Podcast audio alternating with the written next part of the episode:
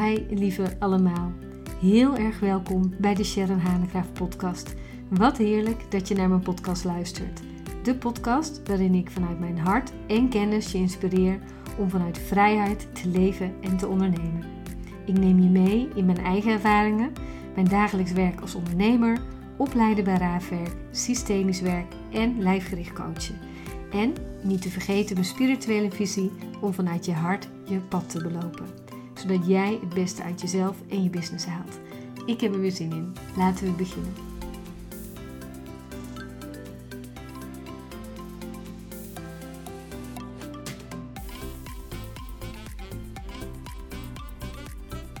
Hi, mooi mens. Het is uh, dinsdag dat ik dit opneem. Jullie luisteren op woensdag of misschien ook wel later. Ik heb zo meteen de jaaropleiding met een uh, supermooie dag over autonomie. En terwijl ik aan het voorbereiden ben, besef ik me ook dat het een heel mooi onderwerp voor jullie is om uh, naar te luisteren.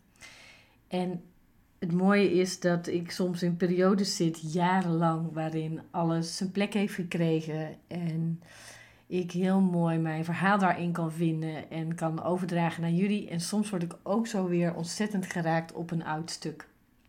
En dat gebeurde dit weekend ook. Het ging namelijk over plek. Dus zo mooi hoe we systemisch altijd over plek praten. Als het over plek gaat, gaat het vaak over plek in jouw gezin van herkomst. Dus welke plek je daarin nam, zo neem je ook die plek continu in. Um, in andere systemen, op je werk, in relaties, vriendschappen enzovoort. Maar wat als je op een plek komt die niet helemaal duidelijk is of die niet helemaal duidelijk nog kan zijn? Dus waarbij je, ook al heb je heel veel autonomie in je lijf zitten, toch niet heel duidelijk op die plek kan staan. Dan komt er verwarring. En dan komt er ook een twijfel in keuzevrijheid, keuzeverantwoordelijkheid alles gaat op met die plek, kom ik in dit weekend achter. En het mooie is dat ik dan zo voel hoe het de verwarring brengt als de plek er niet is. Als de grenzen er eigenlijk ook niet zijn. Ehm, dan is het heel lastig om verantwoordelijkheid te nemen. Want als de plek niet duidelijk is waarop je staat, het kan ook bijvoorbeeld in je werk zijn, hè, dat je tussen twee functies in staat. De plek in je relatie, de plek in vriendschappen. Eh, de plek in een meeting, dat je niet goed weet hoe je, nou, welke plek je daar hebt en wat je daarin wel of wat je daar niet kan zeggen. En dan raakt het alles in je aan zo op oude kindstukken hoe je ooit overlevingsmechanismen hebt ontwikkeld. Want als de plek niet duidelijk is, en of dat nou vanuit het ouderlijk huis is of dat dat nu hier zo in het hier en nu is, dan gebeurt er ook iets. dan komt er van alles komt er boven. Want uiteindelijk gaat het over het ik in het proces. Wie jij bent in het proces. En autonomie krijgt altijd betekenis en vorm in relatie tot de ander. En als daar een verwarring zit of als daar plek niet duidelijk is, dan kan autonomie er ook niet zijn. Dus super belangrijk, kwam ik ook zelf weer achter. Als de plek niet helder is, dan is het lastig om ergens verantwoordelijkheid voor te nemen. Dan is het lastig om die keuzevrijheid te voelen. En het is ook lastig om zo ten opzichte van de ander autonoom te zijn. En daarmee dus ook je eigen afhankelijkheid of onafhankelijkheid naar de ander te bepalen. En hoe je met de ander omgaat. En dan speelt er, speelt er van alles een rol. Dan komt schaamte boven, dan komt twijfel boven, er komt angst boven. Alles zit eraan gekoppeld. En doordat ik dat dit weekend ook voelde, dat wanneer plek niet helder is en zo ineens oude stukken boven kunnen komen, heeft het me nog meer beseft in alle opleidingen dat ik het erover heb hoe belangrijk plek is. Maar ik besefte me ook dat het dus niet altijd gaat over de plek die we vanuit huis uit misschien niet goed kennen of niet goed hebben ingenomen, systemisch gezien. Maar dat je elke keer weer ook nu in een situatie terecht kan komen waarin plek niet duidelijk is. En dat je dan kunt gaan wankelen. Het mooie is wel, en ik denk dat daar autonomie kenmerkend voor is, dat wanneer jij autonoom bent, durf je ook weer afhankelijk te zijn. Dus we willen als kind allemaal ergens onafhankelijk worden. En uiteindelijk voelen we ook dat we tot de wereld behoren, dat we tot een groter geheel behoren. En als we de afhankelijkheid in onszelf weer kunnen toelaten, dat we afhankelijk mogen zijn, durven we ook om hulp te vragen. Durven we te vragen om hulp aan die ander, omdat je weet dat het nog steeds niet over jou gaat, alsof je verloren zou zijn wanneer je hulp vraagt. Maar je kan hulp vragen omdat je weet, ik kan het nu even niet alleen. Of ik heb hulp nodig om weer op de juiste plek te gaan staan. En dat hangt heel erg vast aan of dat je je autonomie al hebt gevonden, ja of nee. Of dat je al op je eigen benen bent gaan staan, ja of nee. Of dat je eigenlijk nog vastzit aan een oude plek. En dan komt die plek wel weer terug. Dus als ik vastzit nog aan vader of moeder bijvoorbeeld, en dat ik nog steeds niet los ben gekomen van mijn oude plek, dus daar nog steeds voel hoe afhankelijk ik ben om te overleven, want zo werkt het als kind. We zijn afhankelijk van de groep, we zijn afhankelijk van eten, we zijn afhankelijk van liefde. We zijn van heel veel dingen, voelt het voor ons en dat is ook wel zo, denk ik, dat we afhankelijk zijn zo van het gezin. Zeker hoe kleiner, hoe meer afhankelijk. Als we daar nog niet van los zijn gekomen, dan koppelen we daar hulpvragen aan alsof we zo afhankelijk zijn en niet zonder kunnen. Terwijl wanneer je de autonomie hebt gevonden en je los bent gekomen van het ouderlijk gezin, kan je opnieuw hulp leren vragen, omdat je weet dat je hulp nodig hebt en dat je zelf op eigen benen kunt staan. En dan is de vraag hoe open de wereld voor je ligt, of dat je dat kunt doen of dat je dat niet kunt doen. Of dat je jezelf saboteert, of dat je jezelf de vrijheid geeft om dat te vragen of te doen wat je nodig hebt. Sabotage, jezelf saboteren is eigenlijk het onbewust blokkeren van de keuze om te kiezen voor kracht, of voor gezondheid of succes of geluk. Het is het onbewust innemen van die innerlijke plek en levenspositie die jou vernauwt. Waarbij de keuzevrijheid ontbreekt. En dat komt omdat je nog gebonden bent aan oude loyaliteiten. Dus mag jij bijvoorbeeld kiezen voor jouw geluk? Mag je om hulp vragen omdat je weet dat je dan groeit? Mag je gelukkiger zijn dan misschien een van je ouders. Of heb je bijvoorbeeld zinnen die je zegt tegen jezelf: Als ik maar heel hard mijn best doe, dan dit, dit en dit. Als ik sterk ben, dan. En uiteindelijk komt er, komen er altijd een paar woorden achter. Jezelf saboteren gaat echt over oude bindingen. Alsof het buiten jezelf gebeurt en je er geen invloed op hebt. Oude bindingen, oude loyaliteiten aan het ouderlijk gezin. Als ik mijn best doe, als ik maar sterk ben, als ik lief ben, dan is het beter voor papa en mama. En ook al zeg je die zin nu niet meer, zo hebben we het ooit geleerd. Je zou kunnen zeggen dat de saboteur in ons vaak een poortwachter is voor oude boodschappen aan onszelf, of een oud trauma of een oude imprint. Dus het is een soort jong magisch antwoord van een kind op wat hij ooit heeft aangetroffen. Ik wist als ik vroeger niet te veel zou zeuren, maar de sterke kant zou laten zien aan mijn ouders, dan wist ik ook dat ik daar een compliment op zou krijgen. Of dan wist ik ook dat het goed zou zijn.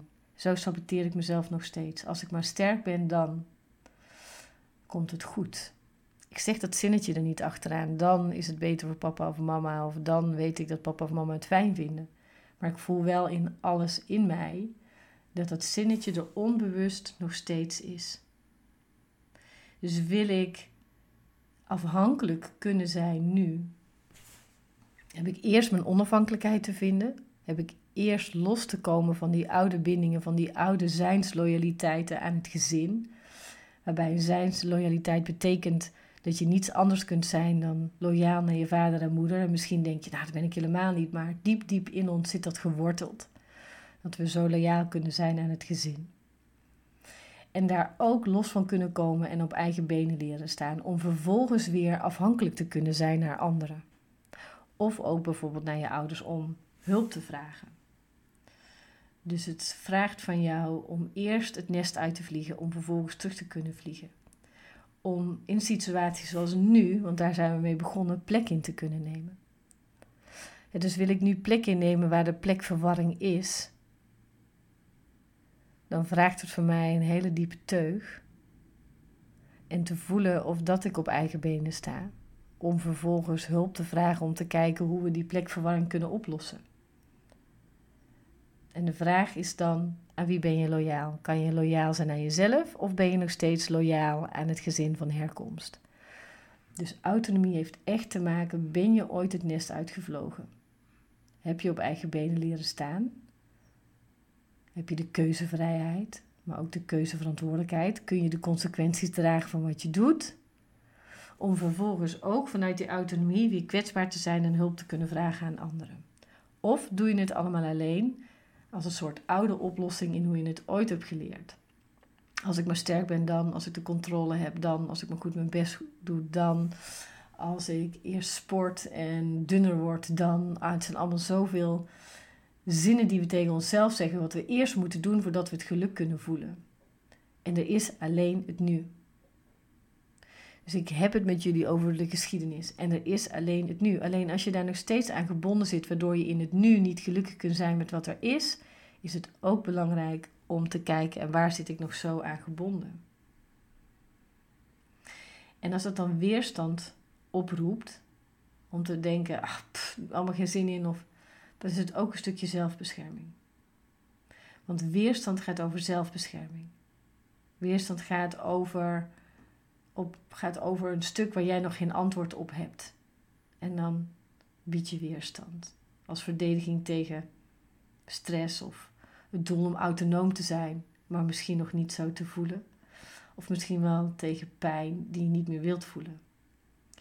Dus weerstand gaat ook over jezelf kunnen openen. En het gaat niet zonder schuren. Omdat er uiteindelijk altijd een stukje verhulde pijn of schaamte zit.